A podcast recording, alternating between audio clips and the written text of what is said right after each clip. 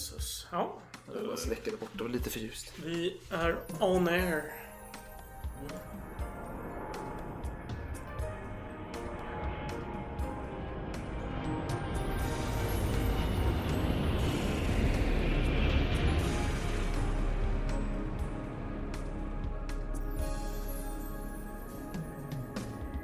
.12.30.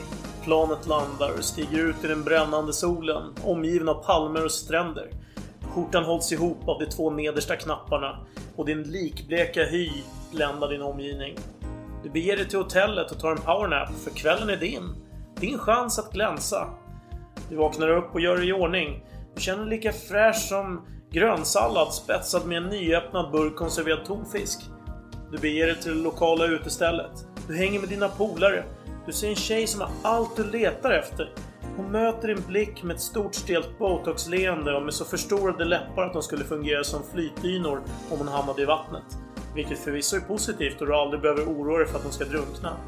Du känner att du vill imponera lite så du kavlar upp skjortärmarna och blottar din carpe diem-tatuering som du skaffade en blöt natt efter ett skumparty på Rhodos då du ville ha något som speglar din filosofiska och bildade sida.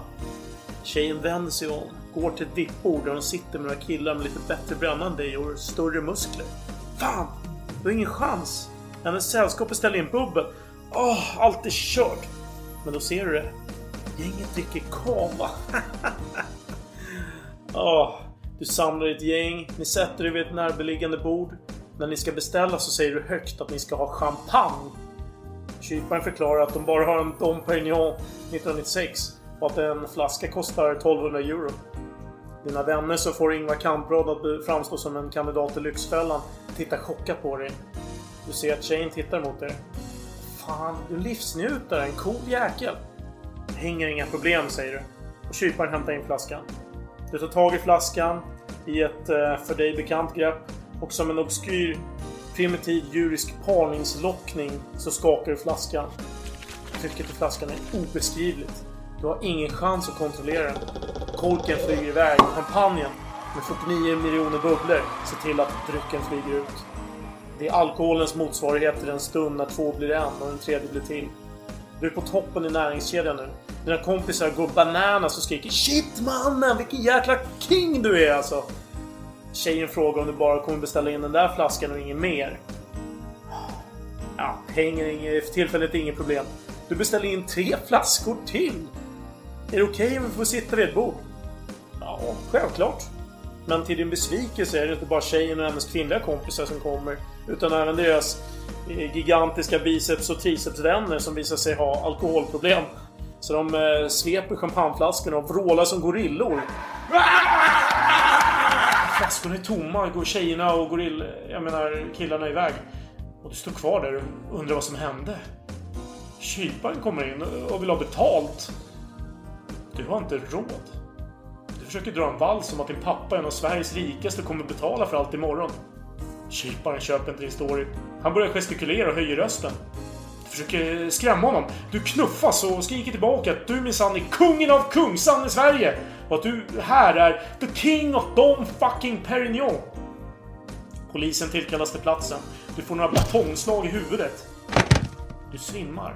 Vaknar upp i en arrestlokal som luktar lika fräscht som en toalett på en av färjorna mellan Danmark och Tyskland efter att ha varit en surkålsfestival.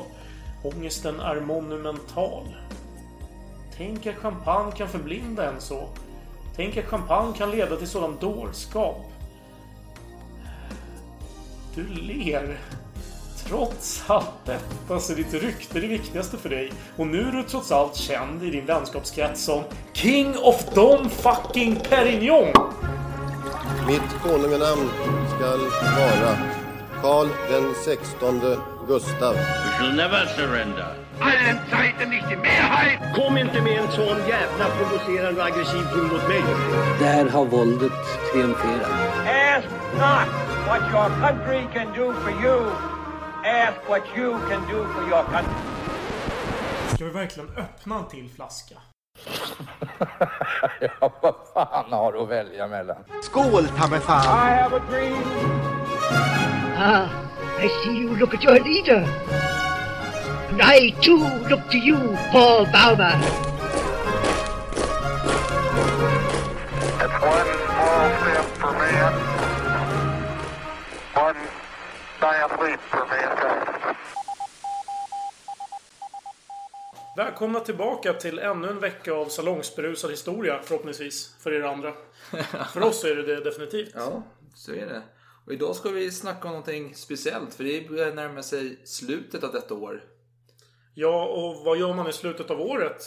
Ja, ja man... Ja, man, man tänker på gamla synder, man... eh, Och, och, när, ja, och, och glädjeämnen kanske. Man tänker tillbaka på året som gått. Och eh, man gör ju oftast inte det nykter. Eller brukar du göra det? Ja, förvisso. Eh, eller ja, nykt, ja, det är en definitionsfråga. Jag brukar inte vara på fester och sånt där, utan jag tycker om att vara i hemmets lugna ro och dricka lite. Ja, dricka lite. Och, och vad brukar man dricka i slutet av året? Ja, jag dricker ju inte det du tänker på i alla fall, men... Nej, Nej, Nej men vi ska inte hålla er på halster. halsen så mycket mer. Vi ska snacka om champagne idag. Så det ligger till. Det ligger mig varmt om hjärtat. Jag är ju med i en champagneklubb. Ja, och det är ju så här att eh, det blir ju även säsongens sista eh, avsnitt detta. För sen tar vi en liten paus. Vi får se hur långt det Vi åker till blir. exotiska länder och samlar inspiration och kraft för Och tyvärr, avsnitt. tyvärr har vi inte synkat våra semester så vi är borta. Du är borta två veckor, kommer du hem, sen är jag borta två veckor. Så blir, Men vi kan göra lite research på varsin Ja, sida så vi får och se se- vad vi kommer fram till. så vi vet inte när vi kommer tillbaka, men det blir slutet Nej. utav januari skulle jag tro. Vi Ja, nå- någonting sånt. Och vad, i, som ni förstår så dricker vi såklart champagne idag. Annars, allt annat vore ju olämpligt. Precis. Och Vi börjar du- med champagne i alla fall så får Ja. vi se hur det lider. Men eh, det här är en Lonois 2009. Ja, du var lite missnöjd med det här. Sa du innan vi började. Jag har ju så höga förväntningar på det här. Och jag som inte är någon Jag gillar ju Lonois. ja, men jag är inte jätteförtjust i champagne överlag. Men jag tyckte den här var ganska trevlig ändå. Jag vill minnas att non-vintagen är bättre faktiskt. Tycker jag. Än 2009 just av det här Mm. Ja, märket. det, det är ju säkert. Men det, är, det är helt okej. Det är- Men innan vi börjar prata om champagne och gå in på lite historia om det och anekdoter så har vi, måste vi ju... Vi närmar oss slutet på vår lek. Mm. Åt vilket håll vänds kappan när det är vindstilla? Jaha, då var det min tur. Var det inte så? Ja, det är din tur. Och jag har fixat här lappar. Det är, det är tre namn kvar och vi lägger dem på bordet. Och så nu får du ta Det två stycken. låter ju lite omaka. Ja, okej. Vänta, men, men vänta innan du bara, Ja. jag bara... För jag kommer på nya regler till detta. För du är inte- Nej, vad är det här? Nej, men Är det alltså, en kupp? Nej, det är ingen kupp alls. Det är bara för vi har ju haft otydligt regelsystem. För vi har ju varit o, ojämnt antal hela Alltså nu stiftar du lagstiftningar. Ja, men jag är Stiftar du en- lagar heter det.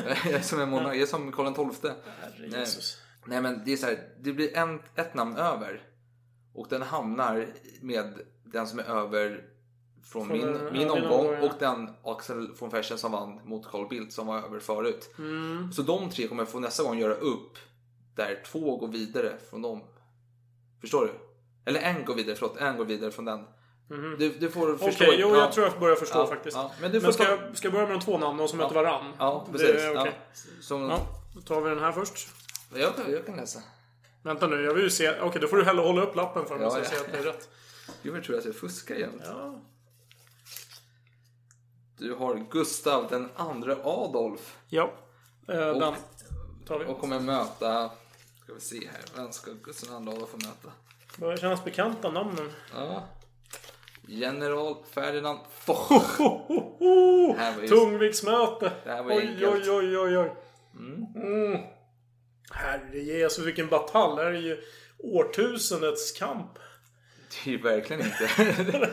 Du har en ju- hjälte och en två, det är två latmask. krigshjältar och stora mästare i krigföring. Ja, den ena var ute i fält och slogs. Den Alltså- andra satt på en kulle och Ja, lekte Skalman. Jag vet inte riktigt. Ja, vad- den ena gjorde visserligen en väldigt stor insats men kunde inte riktigt runda av det 30-åriga kriget. Medan vi har Foch som slog tyskarna och vann första världskriget. Det är ändå... Ja, fast... Ja, jag kan... Ja, ja, det, Det är en ja, så, det blir syn. Men, blodet bubbla här hos mig. Men, ja, men, men det, är klart, det är klart att Gustav II Adolf är känd för att ha infört... Han har ju revolutionerat krig, krigskonsten. Det har han ju. Foch har ju kanske inte gjort riktigt det, men... eh, Ser, ser det så här.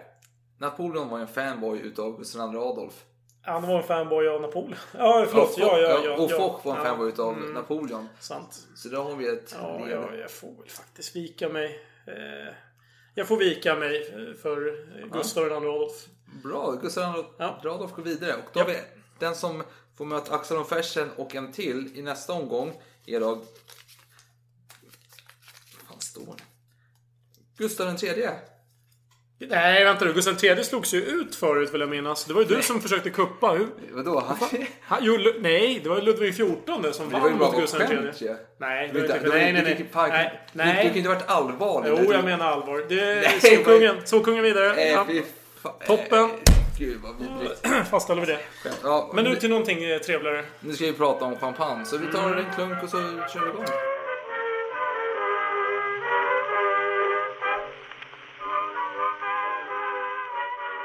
Men vad ska vi börja denna historia då? Vi kan ju... Vill du gå in lite först på vad... Vi hade ju en ingång där med nyår och, champagne och Ja. bubblor. Och, Ja. Jag vet inte, ska vi börja med bubblorna eller hade du tänkt vet, dig någonting vet du hur många bubblor det finns i en champagne? Två miljoner? Åtta miljoner? Nej. 30 miljoner? Nej. Det, det, Det är matematiker som räknar på det här. Ja. Eh, Jag läste lite olika saker, men det är 48 miljoner bubblor. Ah, En flaska champagne. det borde jag veta. Men Ja, ja. så nu vet du det i alla fall. Mm, nu vet jag det. Men vad är champagne då? Ja, champagne har ju betytt olika saker i olika tider. Mm. Så eh, fram till, vad kan det vara? Ja, nästan 1700-tal, däromkring. Då var det ju mest röda viner från champagne. Ja. Eller hur? Och de var ju stilla. Det var inget bubbel i dem. Nej, ja, nej det, var ju bubblor, men man ville ha dem stilla. Precis. Det var lite en Det finns många tekniska anledningar till att de blev bubbliga. Nej men alltså, för jag tänker så här, champagne, om du bara blundar champagne, du tänker på franska rivieran, tänker något soligt eller något firande. Det, du får ju alla de här bilderna i huvudet. Mm. Och sen Champagneområdet, distriktet, ligger norr om Paris, eller nordöst om Paris. Det är ju helt fel alltså. Mm, Ja, verkligen. Det är ju Det- det förstår lite hela- kyligt där till och Det är kallt, det fryser ju på vintern och jäkligt. Det ligger nära bel- belgiska gränsen. Och det är ju kalkrik mark. Mm. Där var mycket snäckor och sånt. Det, var ju det var en stor ocean för länge sedan där. Många miljoner år sedan. Ja, som gjorde det kalkrik. Och det är det som, det är kalken som ger champagnen dess eh, krispiga nyans. Mm. Eller finish. terroir som fransmännen säger. Alltså just eh, ursprunget. Mm. Att det, det ger smak till eh, maten som... Eller drycken eller vad det nu kan vara. Som växer där. Ja. Men det var egentligen, det var inte fransmän som först eller gjorde det. Var, det var greker. Det var grekiska bosättare. romare var det. Ja, men det var jo kolonisatör, kolonisatörer. Då, 50 år efter Kristus. Då började man göra vin i, i Champagneområdet. Jo, och det höll på... Alltså, de hade ju grannar i Champagne. Burgundien, Burgundierna. De är ju en bit bort då, men... Ja, men det var ju de som man konkurrerade var konkurrenterna med. ja. För de gjorde ett suveränt rödvin. Och de- det här var ju bittra fiender på så Ja, sätt. Man ville ju, verkligen. fan, vi ska ha bättre de här jävlarna. Men, men jag ska säga det, de blev ju kända. Eh, Burgunderna fick ju extra mycket prestige eh, år 1693. När eh, Ludvig den XIVs eh, vet du det, livmedikus, Dr. Fagon, klagade på hans, eh, att hans åkommor kan till viss del bero på att han drack så mycket vin från champagne. Och han eh, föreskrev istället att han skulle dricka burgundiskt vin. Så det här Ja. gav ju lite glans till just den regionen. Ja, ja, jag förstår. Nej, men det är så här, men de var ju ändå populära innan också. Detta, för det var ju egentligen på Champagnes storhet började komma där när det var Hugh Capet som var kung och 1987 skulle krönas i Reims 1980, du menar 987? 987, förlåt. 900, 987 i Reims. Och då, det ligger i centrala, eller i Champagneområdet.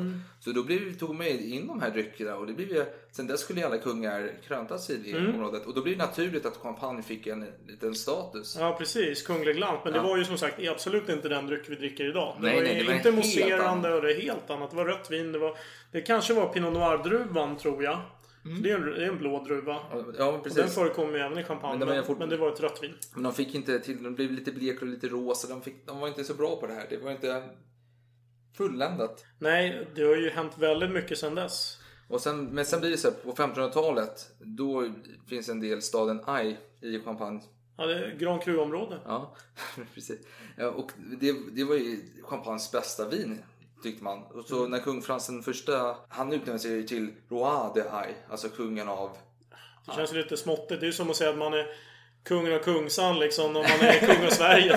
Eller? Ja men alltså det är så här, du vill ha Kungen gillar Marabou, jag är kungen utav Marabou. Alltså man, man, man förhöjer ändå statusen på det här vinet som kommer därifrån. Men man hade ju problem här med Burgundierna som vi sa nyss. För flamländerna...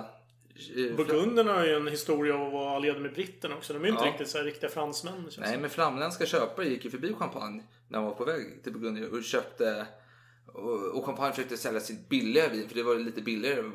Alltså, det, det är lite Ja, roligt. B. B-klass. B. Men de fick inte till något bra rödvin. För det blev bara grått och rosa och sådär. Men sen på 1600-talet, eh, eh, mitt slut, så kom det en liten munk här från Benediktorden som skulle Mm. Revolutionera. Hette han Pierre i förnamn? Ja, det var Dom Perignon. Just det. Mm. Och en del myter, men de allra flesta nämner väl nu att det är just en myt att, att han skulle uppfunnit champagnen. Ja, det var en... Det, Det stämmer ju inte. Men det är så här, han har ju det här citatet som tillskrivs honom. Eh, om att när han, eh, åh jag ser stjärnorna eller vad det är när han dricker Ja, jag kan se stjärnorna ja. Mm. Ja, och det är lite tramsigt. För han vill ju bli av med de här bubblorna. Han Mm. hatar bubblorna. Det var det värsta han visste. Han, fan, bubblor var ju ett sattyg på den här tiden. Precis, det var ju någon, någon fransk eh, kvinnlig salongsdam som hade uttryckt att det här är djävulens vin. Mm, precis, och han, men vet, han är ju munk, Benediktorden. De är lite speciella. Eh, han var ju placerad i ett kloster vid Och Villiers. Och han, alltså, han är ju munk. Man kan ju tro att han är lite tysk av sig. Han har ju sina, eh, sina saker för sig. Till exempel fick ju bara växterna bli en meter långa, max. De skulle skördas tidigt på morgonen. Alla skadade druvor eh, skulle bort. Och det använde åsnor istället för hästar för att åsnor inte blev lika vilda och, riskerade att man skulle förlora massa druvor när de började stegra och Det händer ofta, eller? det låter ju som ett konstigt problem. Att Ja det men, händer... men, ja men för hästarna, jag vet inte hur det var i champagne, vad, vad de gjorde med dem. Men Nej. han ville ha åsnor istället. Mhm. Och eh, pressningen, det skulle ske snabbt och effektivt. Så inte druvskalet skulle hamna i druvjuicen. Det var Det jätteviktigt. där var ju en väldigt viktig poäng du säger. För att Dom Perignon var ju en föregångare till det här med att hålla isär druvskal och eh, druvsaft. Mm. För det missfärgar ju då vinet om man, om man tänker sig att eh, champagne ska vara en klar dryck. Mm. För rödvin det blir ju väldigt mörkt och det är ju Ja. för att de har kontakt med varandra. Precis. Så är det. Och, när, och hade han, han ju lite, han var ju innovativ när det kom till själva pressningen då. Så första pressningen, det var ju att druvorna pressades av tyngden av andra druvor. Och det var den finaste. Mm. det var det finaste, ja. finaste. Och sen allt eftersom så gjorde man lite mer. Och jag vill eh, minnas att när det gäller champagne så är det den första och andra pressningen som är okej att använda. Mm. Man får inte använda tredje pressningen. Nej, då, är, nej. då, då är det inte rätt. Nej, då är det olagligt. Ja. Men eh, Dom Perignon, han var ju också en av de första som blandade eh, olika årgångar av eh, vin. Alltså kuvéer. Ja. Egentligen. Så han var ju en stor innovatör när det gäller vinmakning. Men han var Ja. absolut inte den som uppfann det Nej, på något nej. sätt. Eh, det kanske är dags att börja prata om just eh, hur champagnebubblorna blev till. Vem det var som gjorde Ja, det. vill du köra? Ja, absolut. Eh, då, då måste man nästan ta sig till eh, England. Mm. Och eh, hur, hur exporterades vin från Champagne till England? Jo, det fanns ju en kunglig lag som sa att man fick inte transportera den i flaskor. För det första. nej. Utan det var ju tunnor så såldes det på auktion eller liknande. Mm. Och så buteljerade man på plats. Och en, en stor, ett stort problem med, med champagne, eller vin överhuvudtaget kanske, det var att eh, om inte vinet hade jäst färdigt, då fanns det socker kvar. Mm. Och om man då sä- sätter det på flaska och jästen inte har dött. Jo, då sekundärjäser den och då leder det till tryck i flaskan. Och de tidiga flaskorna var ju väldigt dålig kvalitet. Ja, och det fick säga att fermentationen avstannade under vintern i champagne för att det var så Just det. kallt. Så det återupptogs på våren igen. Och Jo, då- inte bara i Frankrike utan även i England. Ja, och då blev det, ja men det var och, kallt. Och, och då hade det inte jäst färdigt. Nej. Så över vi- vintern då så då sov typ gästen. Och sen, sen på tidig vår. Det är som björnen. Ja. Snake Precis. i det. Ja. Ja, då, då har den helt plötsligt, då vaknar den, kvicknar den till och, och åh, fast lite socker kvar. Ja, men super. då kör vi. Då börjar den äta och så börjar den jäsa och så blir det en massa bubblor. Och så blir det en massa tryck. Ja. Och då är det djävulens vin för då exploderar ju flaskorna. ja, så är det ju. Och fransmännen, de var ganska dåliga på att göra flaskor på den här tiden. Ja, de hade ju, alltså när de hade ju, vet inte, träeldad. Träugnar eller något sånt. Vedeldad ugn. Ja. Eh, För att göra glaset då. Ja. Och Det, britterna var ju lite bättre, de hade ju kol. ja, men det fanns en anledning till att de använde kol. Och Det var, det var någon kung, nu kommer jag inte ihåg vad han hette, om det var James den första eller så här. Eh, Det var någon kung i alla fall som hade förbjudit att man använde vissa råvaror eh, för annat än krig eller liknande. Och då tvingades britterna att hitta på alternativa metoder för att göra flaskor till exempel. Eh, Och då med tur då så blev de här helt plötsligt starkare, mycket starkare, höll emot de här trycken.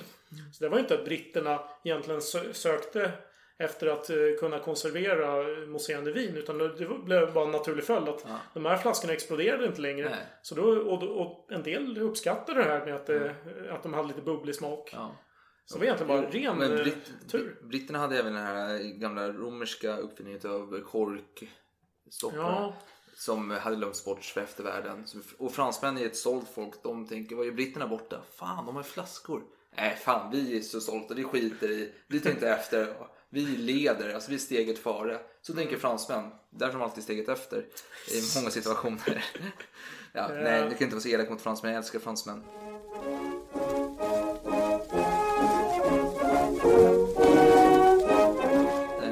Man ska säga det att innan eh, de här starka flaskorna fanns då var ju det här ett stort problem. Det var ju mellan eh, ja, cirka 5-10% av alla flaskor exploderade. Ja. Och eh, alltså framåt vårkanten och i, vissa fall upp till 40%. Man hade ingen kontroll över mängden socker heller. Det skedde långt senare. Det var ju egentligen 1836 som man eh, kom på det här med exakta mått för hur mycket Ja, socker som behövdes ja. för sekundärjäsningen. Så innan dess var det ju bara, det var ju bara ma- magi. Jo, man men- hoppades ja, på att det skulle det är lite så här, modifikation för redan 1662 så var det Christopher Merritt, en brittisk eh, kemist som kom på att vänta nu, sockret påverkar bubblorna. Det är det som skapar bubblor i vinet. Så det visste ju britterna och han hade ju en process på hur man gör bubbel. Ja, men, men då, då missar du det här med att det är ju en kombination av mängden jäst och mängden socker. Och att bara komma på att det finns någon eh, relation där mellan socker och jäsning. Det är ju en sak, absolut. Men de exakta måtten som krävs för att det ska bli... för att allt men eh, jo, men- Jo, residualsocker men ska... 1830 så blev man, gjorde man ju eh, exakta tabeller Precis, över hela. det var det jag men menade. det här var ju ändå kunskap som britterna har Ja. haft sedan 1600-talets slut, eller mitt. Just det. Att man har haft vetskap att den påverkar. Rönen kommer därifrån. Jo, men, men fransmännen Va? Det bubblor igen? Nej, vad fan? Se- Varför?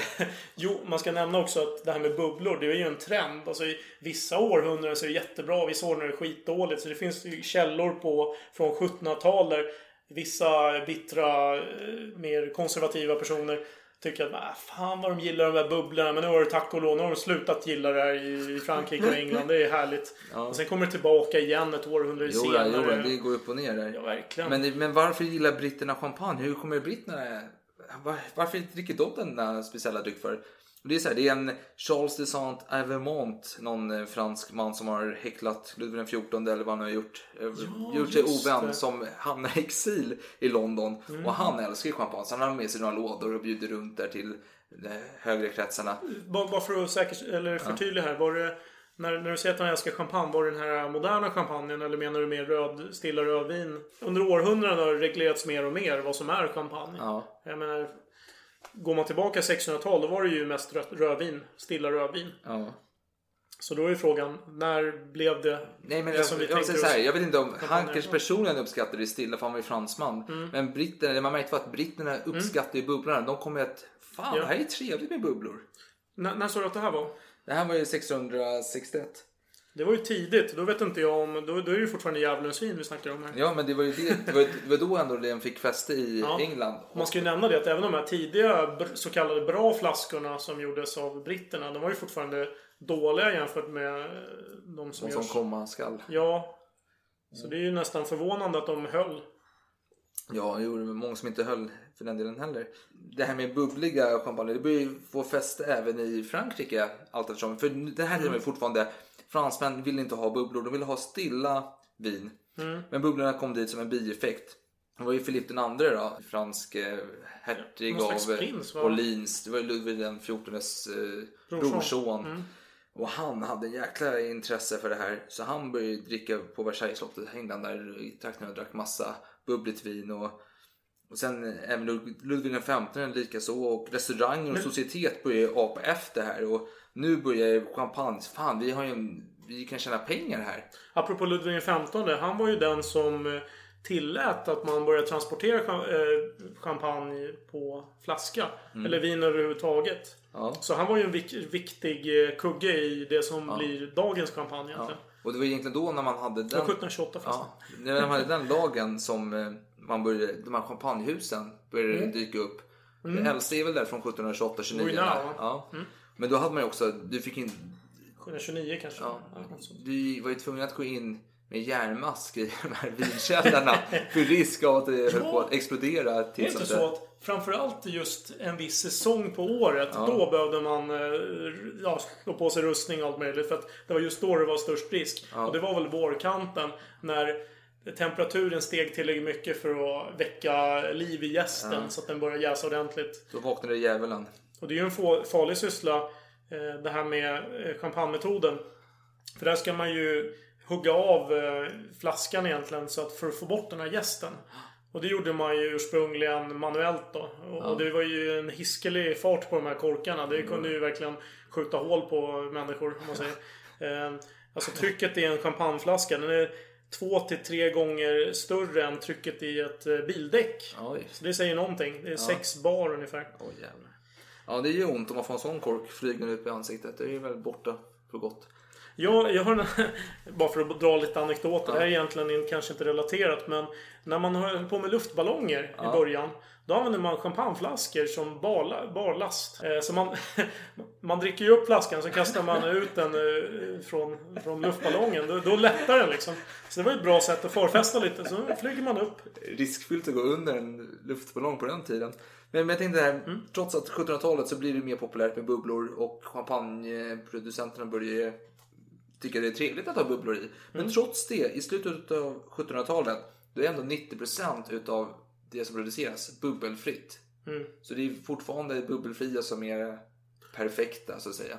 Under den här tiden när champagnehusen började komma så var det en man som hette Claude Moet från det kända Moët Chandon, Ja, antar jag. precis. Och han tyckte att man ska ha en personlig kontakt med sina kunder tänkte han. Han var lite framåt här, service-minded. Mm. Så han åkte ut till Versailles. Till Versailles. ja, med några Ja, lådor. ja. Ja, jo, så sålde in champagnen.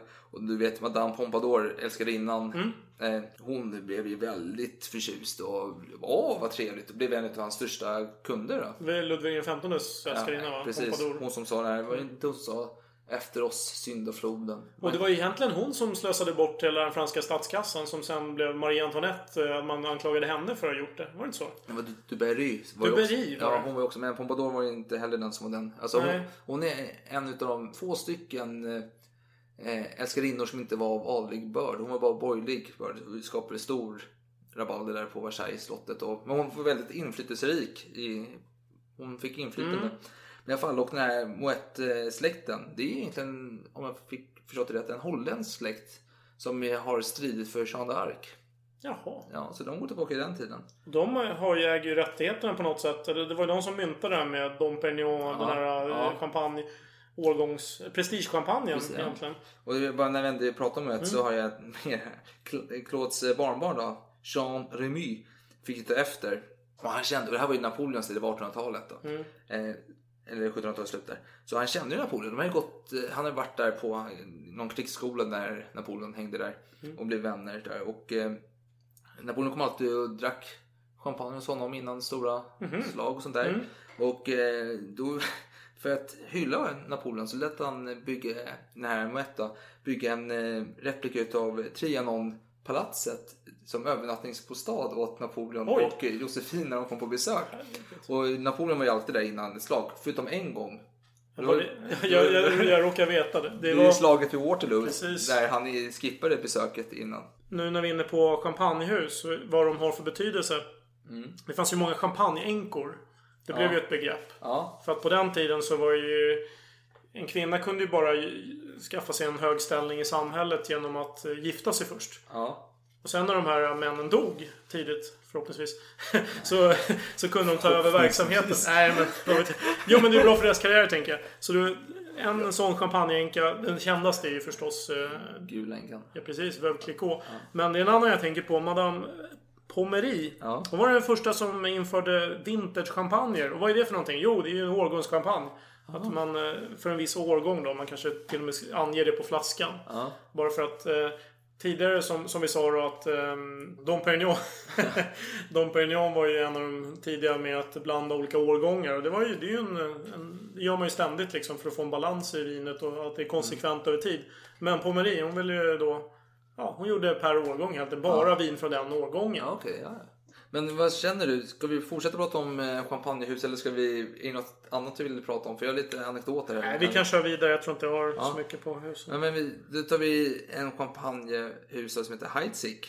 Säger man så? Mm. Heidsieck? Ja, jag vet inte Det är ju inte franskt ursprungligen. Så Nej. att, Nu har Florent Louis Heidsieck då, som grundade 1785. Och jag hade tre anekdoter om den här Mm. huset. Då först är det en om Charles Heids, Heidsieck. Då. mm, det finns ju ett märke som Ja. heter det. De, det har ju splittats upp i Ja. tre olika nu. Det finns ju en Heidsieck och Company, Charles Heidsieck och sen en Piper Heidsieck. Ja. Vilken är Kan bäst? vara bra. Ja, jag skulle nog säga Charles Heidsieck eller Heidsieck och Company. Ja, någon av de två. Jag är inte Piper Heidsieck, det är inte min favorit. Nej, ja, men, i alla fall, men han var ju så här riktig kappvändare. Så han red ju före Napoleon till Moskva med några lådor eh, champagne och en så här orderbokningsbok med sig. Så han skulle kunna fira med vem som än vann slaget. Herregud vilken profitör.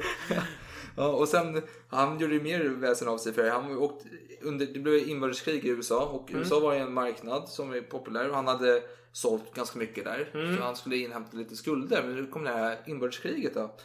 Amerikanska och ställde till det. Sen åkte till sydstaterna för att hämta ut sina pengar. Så kom han dit och bara, vad fan. Ni pankar ju, helvete. Jag har inga pengar att hämta ut här då.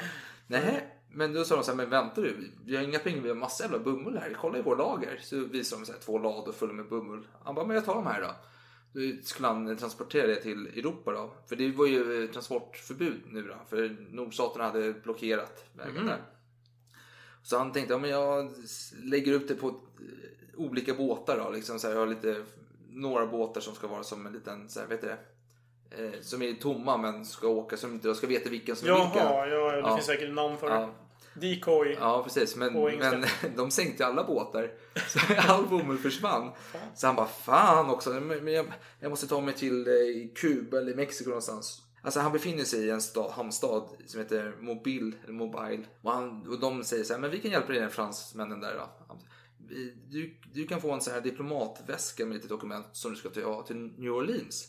Och därifrån kan du ta en båt till Mexiko, Kina. Eller inte Mexiko, Kina. Mexiko, Kina. Mexiko, Kuba menar jag, förlåt. ja.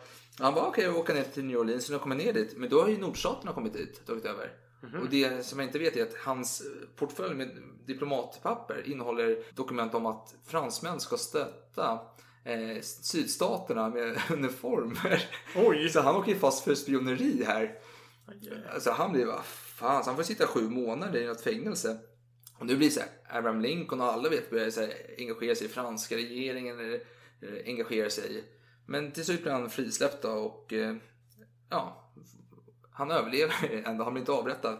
Och det roliga är att det finns en film om honom som Hugh Grant spelar huvudrollen i som släpptes 1989. Mhm, Jag har, är inte den sett bra, den, eller? jag har inte sett den själv men eh, jag, såg, jag har sett några minuter av den. Det var, det lite kul att Hugh Grant spelar. Du, jag hörde rykten om att du somnade när du skulle se det Ja, stämmer? klockan var ju två på natten. Det var inte... Fan. Ja, men fan, det får inte vara den som är den. Nej. Nej, men det jag hade. Men det finns ju fler anekdoter om Heidsieck. Mm. Den andra anekdoten är att 1998 Mm. eh, så hittade man en eh, Heidsieck Diamond från 1907 i vattnet på en... Det är inte Diamond faktiskt. Jag, jag har själv druckit den så jag vet. Ja, det är inte det. Nej. Nej, det, den hette Go American tror jag den hette. Den hade bara det namnet. Eh, om jag inte minns fel. Ja. Men det, du tänker på det här skeppet Jönköping? va? Ja, det var ju precis Ja, svenska Ja, Jönköping som hade, som hade sänkts 1916 Mm. tyskarna var på väg till Ryssland för att lämna. Och det var ju 2000 flaskor som hade klarat sig då, som man Mm. sålde. Just det. Och inte nog med det, för 2010 så hittade dykare 168 flaskor champagne från ett skepp som sjönk någon gång på 1830-talet. Men om vi går tillbaka där Jönköping. Ja. Så Duveholms herrgård. Ja. De har ju en vinkällare med de här flaskorna. De har några event varje år. Så jag var ju på en av dem. Så jag drack det där. Ja. Och jag har ju också läst det du har läst. Just att det heter Blue Diamond. Men noggrannare efterforskningar så har jag kommit fram till att den hette inte så. Den Nej, är God American. Alltså det är amerikanska smaken. Ja. Det här var ju långt innan marknadsföringens tid när alla, alla Ja. champa- viner hade så här bra namn liksom. Och Mm. För det, det ska man ju säga att de olika marknaderna har olika smak. Och ryssarna framförallt, de har ju mest... eh, Ja, de, de vill ju de, ha har ju upp till 300 gram eh, socker per liter i sin Ja, champagne. precis. Det är galet. Och om man, om man tänker hur, hur ser det ut idag när det gäller socker i champagne? Mm. Jo, då har du egentligen, du har egentligen jättemånga olika klassificeringar. Men det som alla dricker det är ju brut. Och, eller, eller extra brut och så vidare. Och det är upp till, vad är det? 5 gram per liter? Någonting sånt. Det är nästan ingen socker alls. Nej. Men på den tiden, då skulle man i massvis med socker. Man hade ju hur mycket som helst. Socker var ju roligt på den tiden. Alltså man hade i 100 gram per liter eller mer. Och det var, 300 hade ryssarna. vad är det i Coca-Cola då? Ja, det är 39 gram per liter i Coca-Cola. Ja. Så att det här som ryssarna drack, det var ju... 10 gånger sötare. Ja, inte Ja, 10 men nästan Och till. det finns ju en klassificering som fortfarande gäller som heter DO. Mm. Eh, och den säger egentligen bara att det ska vara mer än 50 gram per liter. Men det här var ju enormt. Det var ju sex gånger mer eller... Ja. Det är helt sjukt egentligen om man tänker på det. Så det har ju skiftat mycket. Ja. Skulle vara väldigt sött. Men bara för att avsluta anekdoten. Mm. Eh, Man hittade ju 168 flaskor på den här båten som hade sänkts på 1830-talet. Och fyra av flaskorna visade sig vara just Heidsieck-flaskor. Och de flesta var från ett annat märke, Juglar. och de men de, finns inte längre. Nej. Det är ett champagne som är borta. Sen fanns det även... Ja, De, fortsätt. de såldes i pension då och Juglarflaskan. En, utav, en flaska gick ju för 240 000. Det var den prisnivån som låg. Men fanns det inte Gula Änkan också i den där samma skepp? Det, det, det, champagne är ditt ämne om vi säger så. Ja, okej. Eh, sen, ja, bara för att fortsätta prata om socker, för Ja. vi var ju ändå inne Ja. i det ämnet. Så eh, någonstans så skedde ett skifte då. Från de här eh, marknadsanpassade eh, sockerhalterna. Där England var ju de som ville ha minst socker egentligen. Men sen amerikaner och ryssarna ville ha jättemycket. Men sen framåt 1889, då var det Laurent Perrier som ett champagnehus. Började då med en champagne som de kallar eh, Grand Vin sans sucre, alltså stort vin utan socker. Ja. Och eh, det här var ju inte, det här väckte ju en del upprörda känslor. För en del kritiker de sa så här att nej men champagne med låg sockerhalt det åldras sämre. Ja. Och då var det en, eh, en, eh, ja jag vet inte om hon var en änka men hon, eh, en kvinna från ett av de här champagnehusen, La Mondier. Hon öppnade upp en flaska som hade lagats några år och, och bjöd på det och det var ju skitbra. Det var ju inget socker alls i den. Så, det var ju skitsnack. Det var ju bara Det blev jättebra. svartmålning av det hela. Eh, jag är lite törstig. Ja, jag är jävligt törstig också. Men vet du vad? Jag vill överraska dig. Eller ja, Ja, överraska dig negativt faktiskt. Eh, Jag tänkte att vi skulle öppna en kava. Fy f- För att få lite jämfört. Vi kan prata lite om det. Men vi ska hämta en sån först. Ja, hämta, Jag återkommer. hämta på, hämta på. Ska vi se här Ja, jag har plockat fram någonting från kylen. Jag tror faktiskt att det här är inte dåligt. Jag kan ta det. Ja, vad heter det då? Det heter... eh, Att läsa men det står Gramona. Eller heter så? Gramona Imperial Grand Reserva 2012 Brut. Jag tänker mig när man köper vinflaskor och så är det sommeliers eh, choice. Mm. Det är sällan bra. Alltså. Jag dricker en bra. Det var den där franska från 2010. Men jag, drack en, jag drack en tjeckisk rödvin häromdagen. Fy fan vilken mardröm alltså. Säger sig själv kanske. sommeliers Ja, bästa men val. vad... Ja, okej, jag ska inte gå in på det. Eh, ja, nej men... Det som får mig att tro att det här ändå kan vara bra är att Cava, de följer ju champagnemetoden. Eh, till skillnad från Prosecco. De kör sin egen stil. Det är ju, det är ju fusk. De eh, kolsyresätter ju efteråt. Så det är inte hela... Oh! Hela processen. Ja, precis. Men då kan vi kanske komma in på den här... Eh, varför är champagne champagne? Och, varför, och jag har lite en förhistoria till Mm. Men vi ska inte detta. gå in på alla små detaljer va? Nej, men bara Nej, rent i eh, stora drag. Ja, jo men absolut. Men jag kan börja ja, med saker. ja, ja, börja du så följer jag Ja, på. för jag börjar med, det finns något som heter champagneupproret. Eller ja, kravallerna rättare sagt. Champagnekravallerna kanske är rättare benämning. Och det här är alltså början av 1900-talet, tidigt. Och det har bubblat och haft i dubbel bemärkelse några år här nu. För det är så här att druvodlarna säljer sina druvor till champagnehusen. Och nu är det så här, men de får väldigt dåligt pris här, tycker de. Och det är så här, champagnehusen, det är järnvägen har ju kommit. Nu kan ju eh, champagnehusen eh, köra in billiga druvor. och Du göra- kan köpa från Thailand. mer eller mindre. Och det går snabbt och det är billigt att köpa bort från andra områden och sälja alltså fake champagne mer eller mindre. Det blir inte ett odlat område. Den tiden var det inte skyddat men visst. Nej, nej men alltså. Precis, man, man kunde sälja vad som Ja, helst. och det gjorde så att för champagne var ändå på uppgående och de här druvodlarna fick ju ändå bra betalt innan. Mm. För det var ju ändå populärt. De kunde ju ta lite mer betalt. Men nu är plötsligt så får de mindre pengar och de blir utkonkurrerade utav eh, De här fuskhandlarna. Ja. Det är ju inte bra. Det drar ju ner betyget också kanske på hela regionen om man serverar vad som helst. Ska vi... Ska, va, vad tycker du? Åh fy fan. Du ser ut att ha kvällningar. Så jävla dåligt var det inte. Doften är ju horribel. Ja, men lukta inte på det. Åh fy fan. Avstå från. Drick bara. Jag tycker den andra var bättre. Garanterat. Men eh, det var inte dålig. Absolut Nej, inte. den, den skulle- smakar bättre än vad den luktar. Men Mm. ja, gud vad var det någonstans? Jo, Ja, I men, alla fall, ja, jo, men att de kunde kränga vad de ville. ja precis. Så champagnehusen de brydde sig inte. Folk ville ha champagne. Det är som vi säger, champagne champagne. Du kan sälja vad fan, vilken skit som helst. Champagne är champagne. Det har ett rykte om sig nu. Till en gräns. Till en gräns. Ja men alltså idag. Just liksom- idag ja. Ja, ja, Ja, visst. Jo, men det säljs ju mycket dålig champagne. Ja. Jag, ska jag ta exempel? Jag, vill, Ja. jag vet inte om jag vill svartmåla. Massé, jag vet. Massé, ja. ja. Philippe de Nontoy. Undvik de två, ska jag säga. Mm. Det är mina tips till er. Nu när ni ska leta vin till nyår. Precis. Ja, I alla fall. Men så lyckas man ge, det blir, upp, det blir hätsk stämning här med äh, vin, äh, druvodlarna blir upprörda. Som lyckas ju få till en äh, lag då om att det ska vara 51% äh, druvor från champagneområdet. Så det, var- Det, jag gillar den här lagen. Eller jag gillar den inte, men jag tycker det är roligt. För jag förstår ju verkligen varför den har kommit till. När det är 51%. Jo, men den här odlaren han har ju sitt ur, uråldriga recept som gäller att du ska ha 2% thailändska druvor. För då får du den där perfekta smaken. Så, men då kan du inte säga 100% från champagne. Det går inte. Ja, men 51. Ja, men det är alltid någon som har något hemligt recept. Och sen är det de här gamla gubbarna. De måste ju hinna dö så man kan byta lagen. ja. Jag, jag ser verkligen hur det är framför mig. Och sen- det, det lever ju kvar än idag. Förlåt att jag förstör din Ja. anekdot. Ja, Jag måste nej. bara fylla i. Jag har ju sagt namn, nämnt tidigare då, de här tre druvorna för champagne. Som är, det, det är det som gäller för att det ska få kallas champagne. Det måste vara Chardonnay, Pinot Meunier eller eh, Pinot Noir. Eh, vilken kombination som helst av dem. ja. Men det är en sanning med modifikation.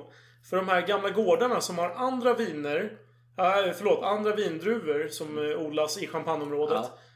Som har gjort det i i evinnerliga tider. De får fortsätta använda dem i sin champagne. Men de får inte pla- plantera nya. Nej, det Så det, det finns ju en massa andra druvor där Ja, ja. också.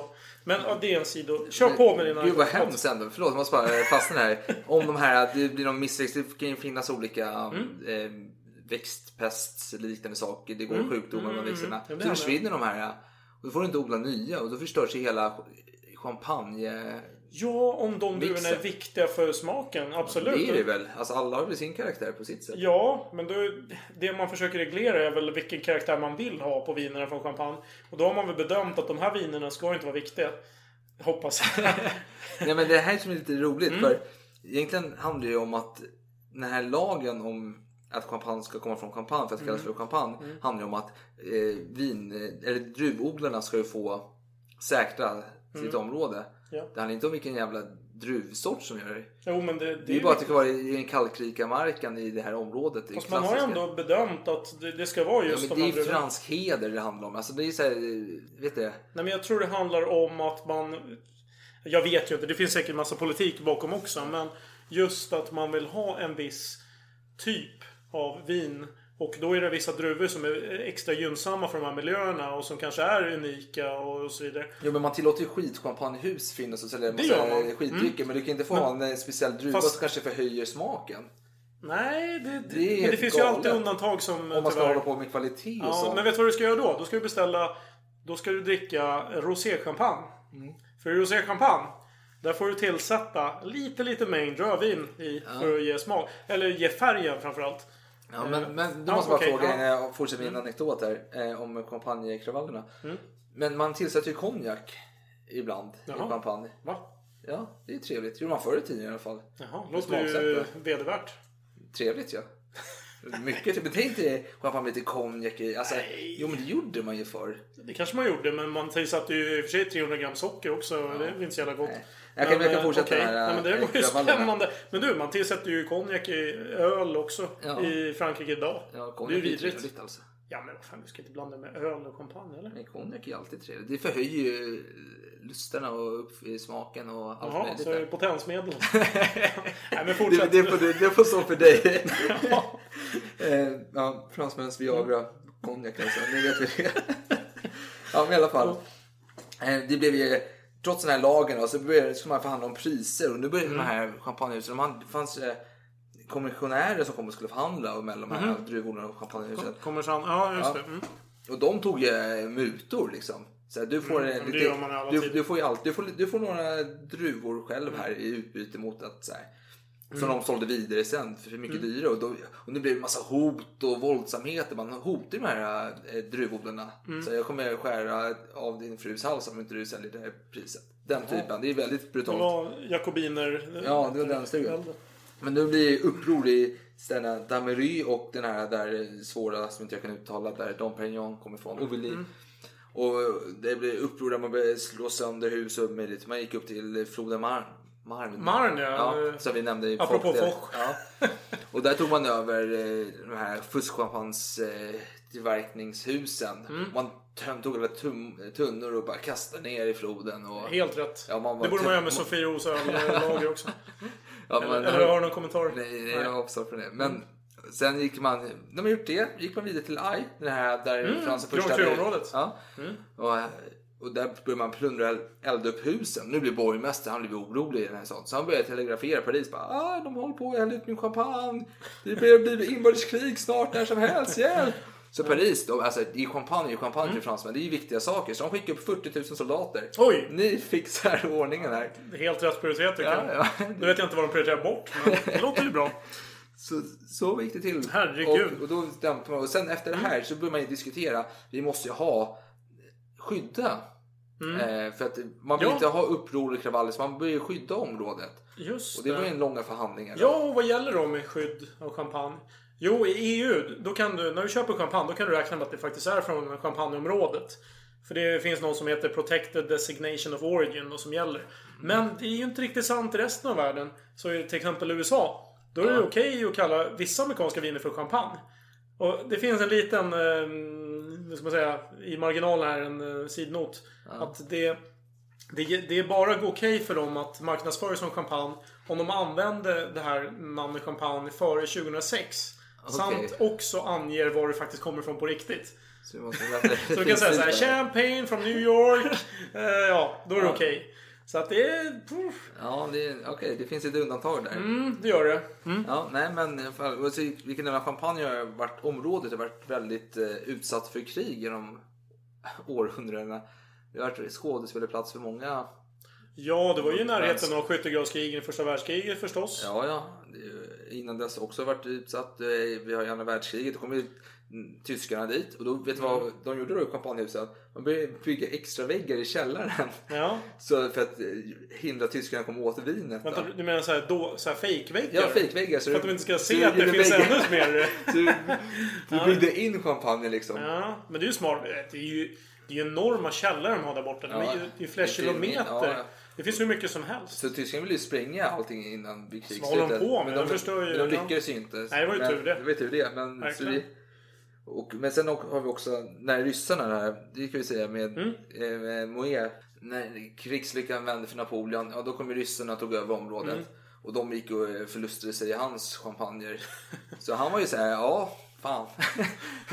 de betalade inte för sig, det var jobbigt. Men de får dricka gratis idag och får betala imorgon.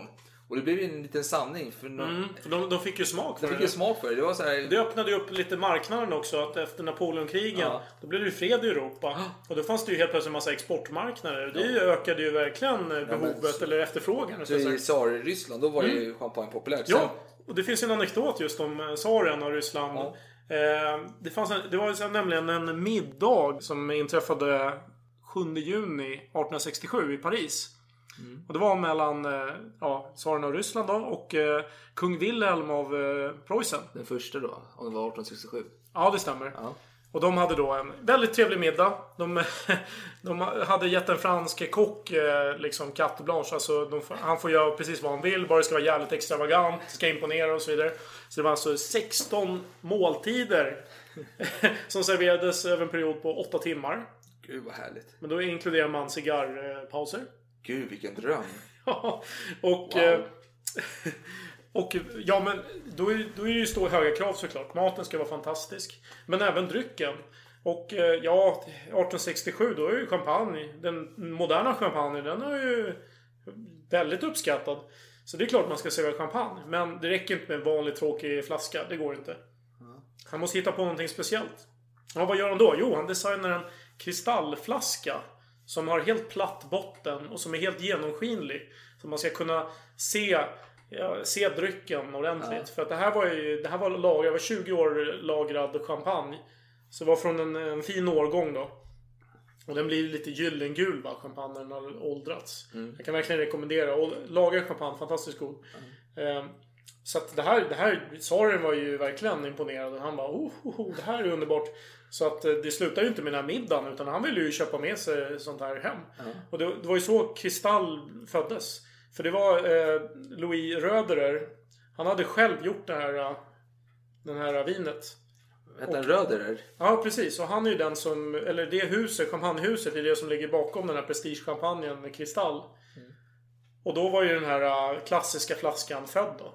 Men i nutid så är ju inte flaskan gjord av kristall såklart, utan Nej, nej. vanligt glas. Men det, det var ju redan då så var det blev var det en Men lyx. du, men du berättade en rolig historia angående den här hiphopartisten, heter han Ja, Jay-Z? Jay-Z ja. För han hade tydligen, eh, ja redan 98 där han började eh, rappa om eh, att han älskar kristall och så vidare. det gick ju jättefint då fram till ungefär 2006. Då eh, Louis Röder hade fått en ny eh, ja, VD, tror jag. Eh, Fredrik Rousseau hette han.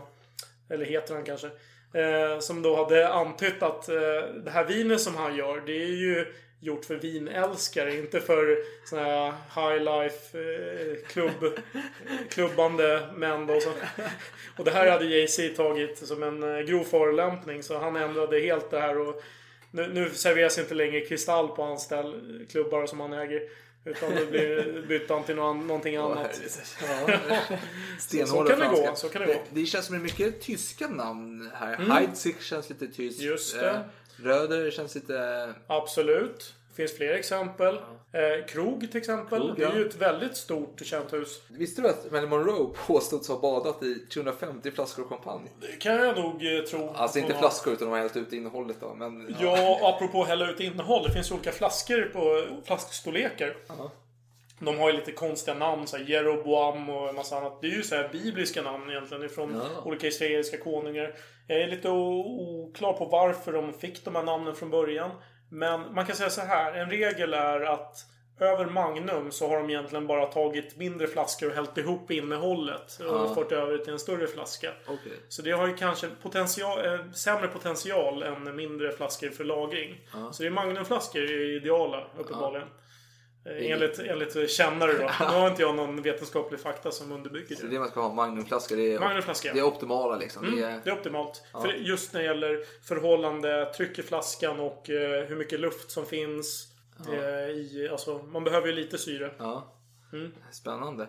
Men vet du hur många flaskor fransmän drack per eh, år då? Eh, år 2001? Innan jag svarar på den frågan så Ja. kan jag svara att det departement i Frankrike som drack mest eh, eller som dricker mest runt eh, 2011 Det var Guadeloupe som är, eh, ja, ju Västindien. Men där dricker de en och en halv miljon flaskor för 400 000 invånare. Men den här helvete. statistiken, jag måste säga så här, jag tror den här statistiken Det är nog väldigt många turister som åker dit och dricker champagne. Ja, men du det är så high rollers som sitter där och tar in champagne. Precis, jag tror det. Så om jag ska gissa då. Jag tror inte det är så mycket. Men jag tror att eh, det där blir alltså ungefär en kvot på tre flaskor per år va? Det är inte det. Det tycker jag låter lite mycket. Men eh, säg... Nej, är det verkligen mycket? För mig är det inte mycket. Men Hur många dricker du per år då? Jag dricker säkert Minst 52. 60. Ja, precis. Ja, det, det är ju ganska hemskt. Men ja, jo, men 60-70 flaskor säkert. Ja. Så det, det är tre kanske? Två? Nej, 2001 var det 2,5 flaskor per fransk man. Och se- Jag är lite besviken. Jag hade tänkt att det skulle vara 4-5 flaskor ändå. Mm. Men de har ju mycket annat gott. Ja, det är mycket barn också som är det. Det De dricker sig också Det kan ju vara champagne. burgunder också. Vet Ja, du. de vägrar. Ja, de- Helvete. De kolsyrar sitt rödvin istället. Pekar finger. Fan vad det är vidrigt med det här kolsyrat rödvin. Ja. Ehm, Men jag, jag har en anekdot där bara. Tala om, Om vi ska droppa anekdoter. Kör här. anekdoter. Jag har Ja. också anekdoter. Ja, men jag pratar, jag tänker på Mozart. Ja. Eh, han var ju ett fyllo enligt vissa. Det finns ju historier som jag inte vet om stämmer då. Eh, om att han var full när han skrev Don Giovanni-ouvertyren. Att han, Det vet ju alla att det ger inspiration. ja, och att han satt hela tiden och blev matad med champagne och punsch när han satt och... Ja. Eh, Men det var inte det jag skulle berätta utan det var att han var ju, han satt och hängde med en eh, dåtidens eh, Justin Bieber då. Josef Haydn som är. Mm, Haydn. känd, Han är ja, känd för många fina saker. Och de, hade, de var ute och drack lite så sa Mozart men fan du får en låda champagne om du kan spela det här stycket som jag har skrivit. Haydn bara Ja självklart Mozart, jag kan spela det. Så Sitter han och börjar spela bara dun, dun, dun, dun, dun, dun, dun, håller på och lirar lite. Och sen plötsligt kommer det ett parti som han inte kan spela. För det, hans eh, händer är upptagna och sen i mitten på piano, eller ja, det var inte piano då, vad heter det? Det går ju inte att nå tangenterna med fingrarna. Det går inte att nå Nej. fingrarna. Vad ska man göra då? Ja, han bara, det här är omöjligt att spela, det går ju inte för helvete. Måste bara, jag kan spela detta.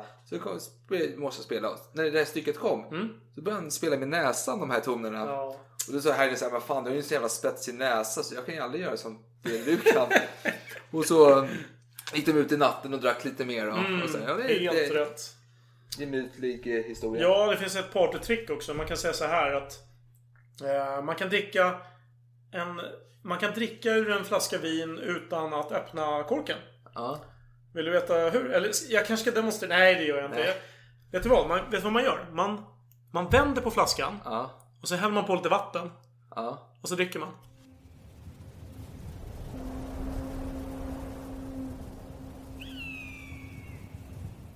Då har man druckit ur flaskan utan att eh, öppna korken. För det, den har en liten inböjning här som Ja. man kan se. Jag tror, jag vet inte riktigt vad den är. Det men det- lamaste jag hört. Ja, men kom igen nu. fan vad Det var, ju, det var ju skön. Det var ju som Mozart. Nej, Kom igen är inte skön. Ja, ja, hur som helst, vi drar vidare. Det finns en anekdot om att um, bordtennis, alltså pingis. Att i första pingispartierna, det var med champagnekorkar. Ja. Kan det stämma? Vad vet jag? Det är Ja, upp till det är er att granska. Ja. Ja, och champagneflaskor. De har ju ett ursprung i konservburkar. Varför då kan ni undra? Vad snackar du om? Är du full? Ja, svaret är ja på båda frågorna. Eller, eller på ena frågan. Eh, att eh, eh, 1795 då hade man ju uppfunnit eh, konservburkar. Men det var ju... Då var det ju champagneflaskor faktiskt som man använde. För att konservera mat och Ja, just det. Jag funderar på om vi har pratat någonting om, eh, om bubblorna, om hur de ser ut och sådär. Vad, vad brukar man prata brukar Vänta, säga... vänta, vänta. Nu kom jag på det. Cembalo hette det. De spelade på cembalo, Mozart och Haydn. Det är inte piano, cembalo. Ja, fortsätt. Bubblor. Ja.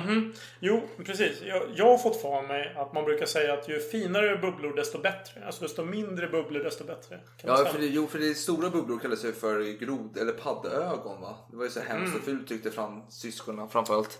Då funderar jag, hur ser kolsyra, alltså typ prosecco-bubblor ut jämfört med champagnebubblor? Till Jag, jag dricker sällan den här skiten. Det är upp till er lyssnare att ta reda på. Om det är så. Vad är det här för jävla... Nej, jag har ingen svar på det. Jag vill, jag vill bara väcka frågan. Du, Eh, du vill skapa funderingar. Ja, varför Ja, inte? Det är för fan nyår. Man måste fundera. Ja. Eller hur? Man Ja. måste tänka över vad som har hänt. Ja. Eh, jo, men det finns ju jättemånga citat. Eh, som, eh, det här känns ju som floskler för de flesta av er som lyssnar på det här som redan kan en massa champagne har ju redan hört de här. Mm. Men Lily Bollinger, en av de här champagneänkorna tror jag att hon var. Ja. Eh, fick frågan När dricker du champagne? Då svarade hon så här.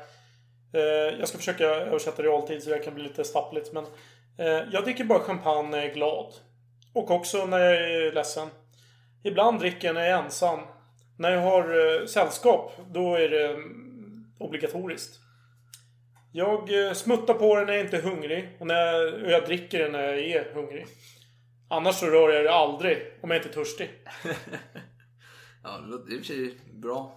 Så jag vet inte om vi pratar om Churchill eller med... Nej, men jag tänkte komma in Ja, på det, för ja, jag har kör. en fråga till det här. Perfekt, ja. Som Churchill var ju en drickare utav rang. Alltså han älskar ju att dricka. Paul Rogero, han har det här citat. Och varför gjorde han det? Jo, för att han träffade ju då hon eh, för champagnehuset, vad hette hon? Hon hette Odette tror jag. Ja. Odette Pollorget.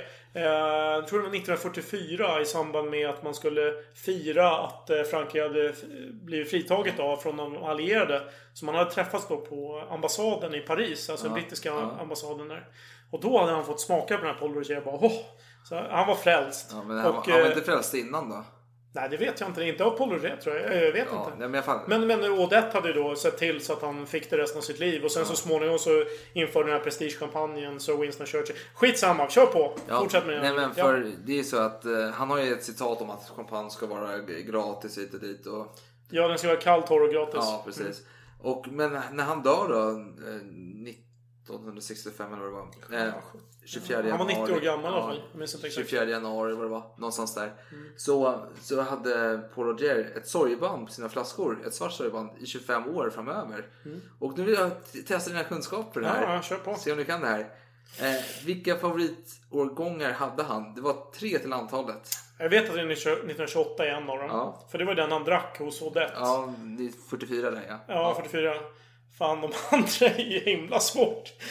um, jag, jag, alltså sån stor inte att jag vet exakt. Men jag gissar. 45 vet jag har för mig ett bra år. Så jag säger 45. 1945. Eh, sen blir det jättesvårt. Jag säger 1900, 1960. Fel, fel. Aj, aj, aj. 1934 och 1947. Och 1928. Det var hans Mm. Men 28 tre. var rätt i alla fall. Ja, 28, det är rätt. Det är, bra ändå. Och det är ju ändå den som eh, Rickard Julin hyllar som den enda, enda 100-poängaren av alla champagner som han har druckit. Så är en enda som han har gett 100 poäng av 100. Och det är just Paul Roger 1928. Den är så Och bra alltså. Han började gråta när han drack den. Och jag vet inte om det var historiens vingar där med, eller historiens vingslag med, med Churchill som drack eh, 1928 där hos Odette. Jag vet inte det men... Det, det verkar ha varit en speciell årgång.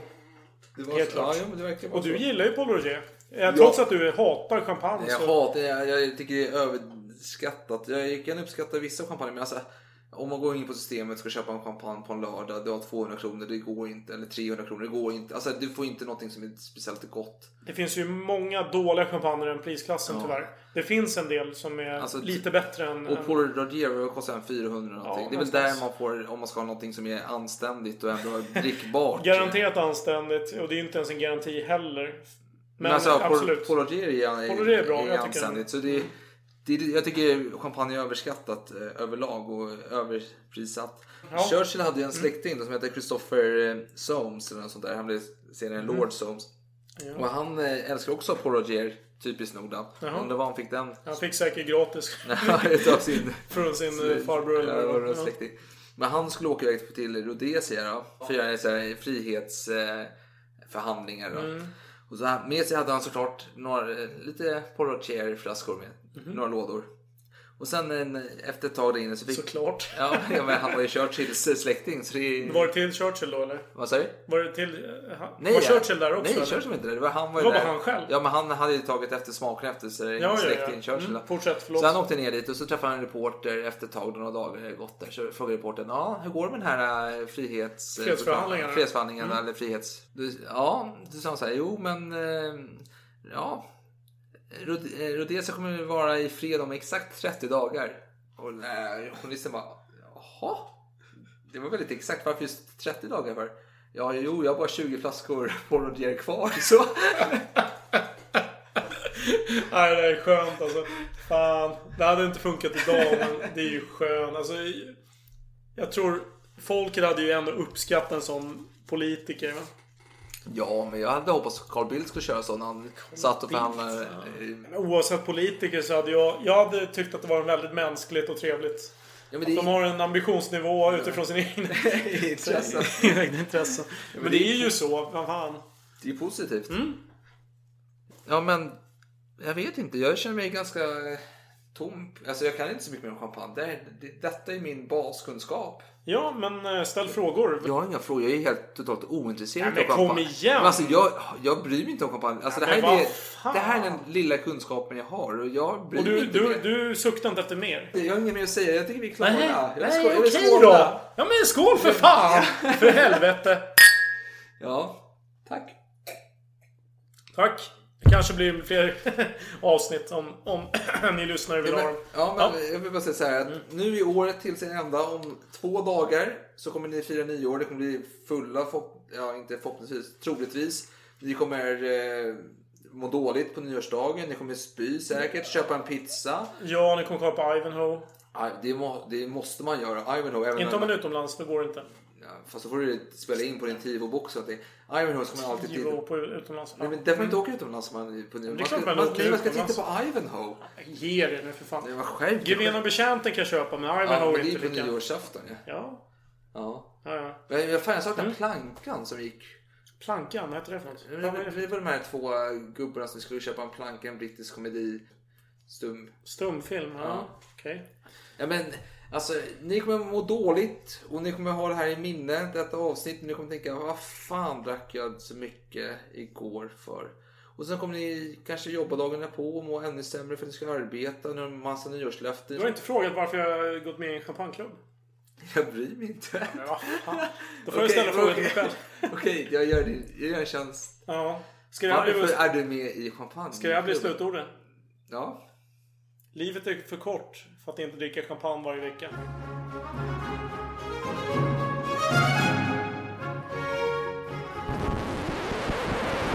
Fast jag vill inte ha det som slutord. Jag vill säga så här. Vi har en Facebook-sida ni kan nå oss på. Ja. Och en, det är, sök bara Salongsberusad historia. Vi finns på iTunes och Acast och lite där poddar finns helt enkelt. Eh, vi har mail, salongsberusad som Ni kan hitta oss om ni har några fr- frågor och funderingar. Det var allt jag hade att säga. Gott nytt år för fan! Gott nytt år.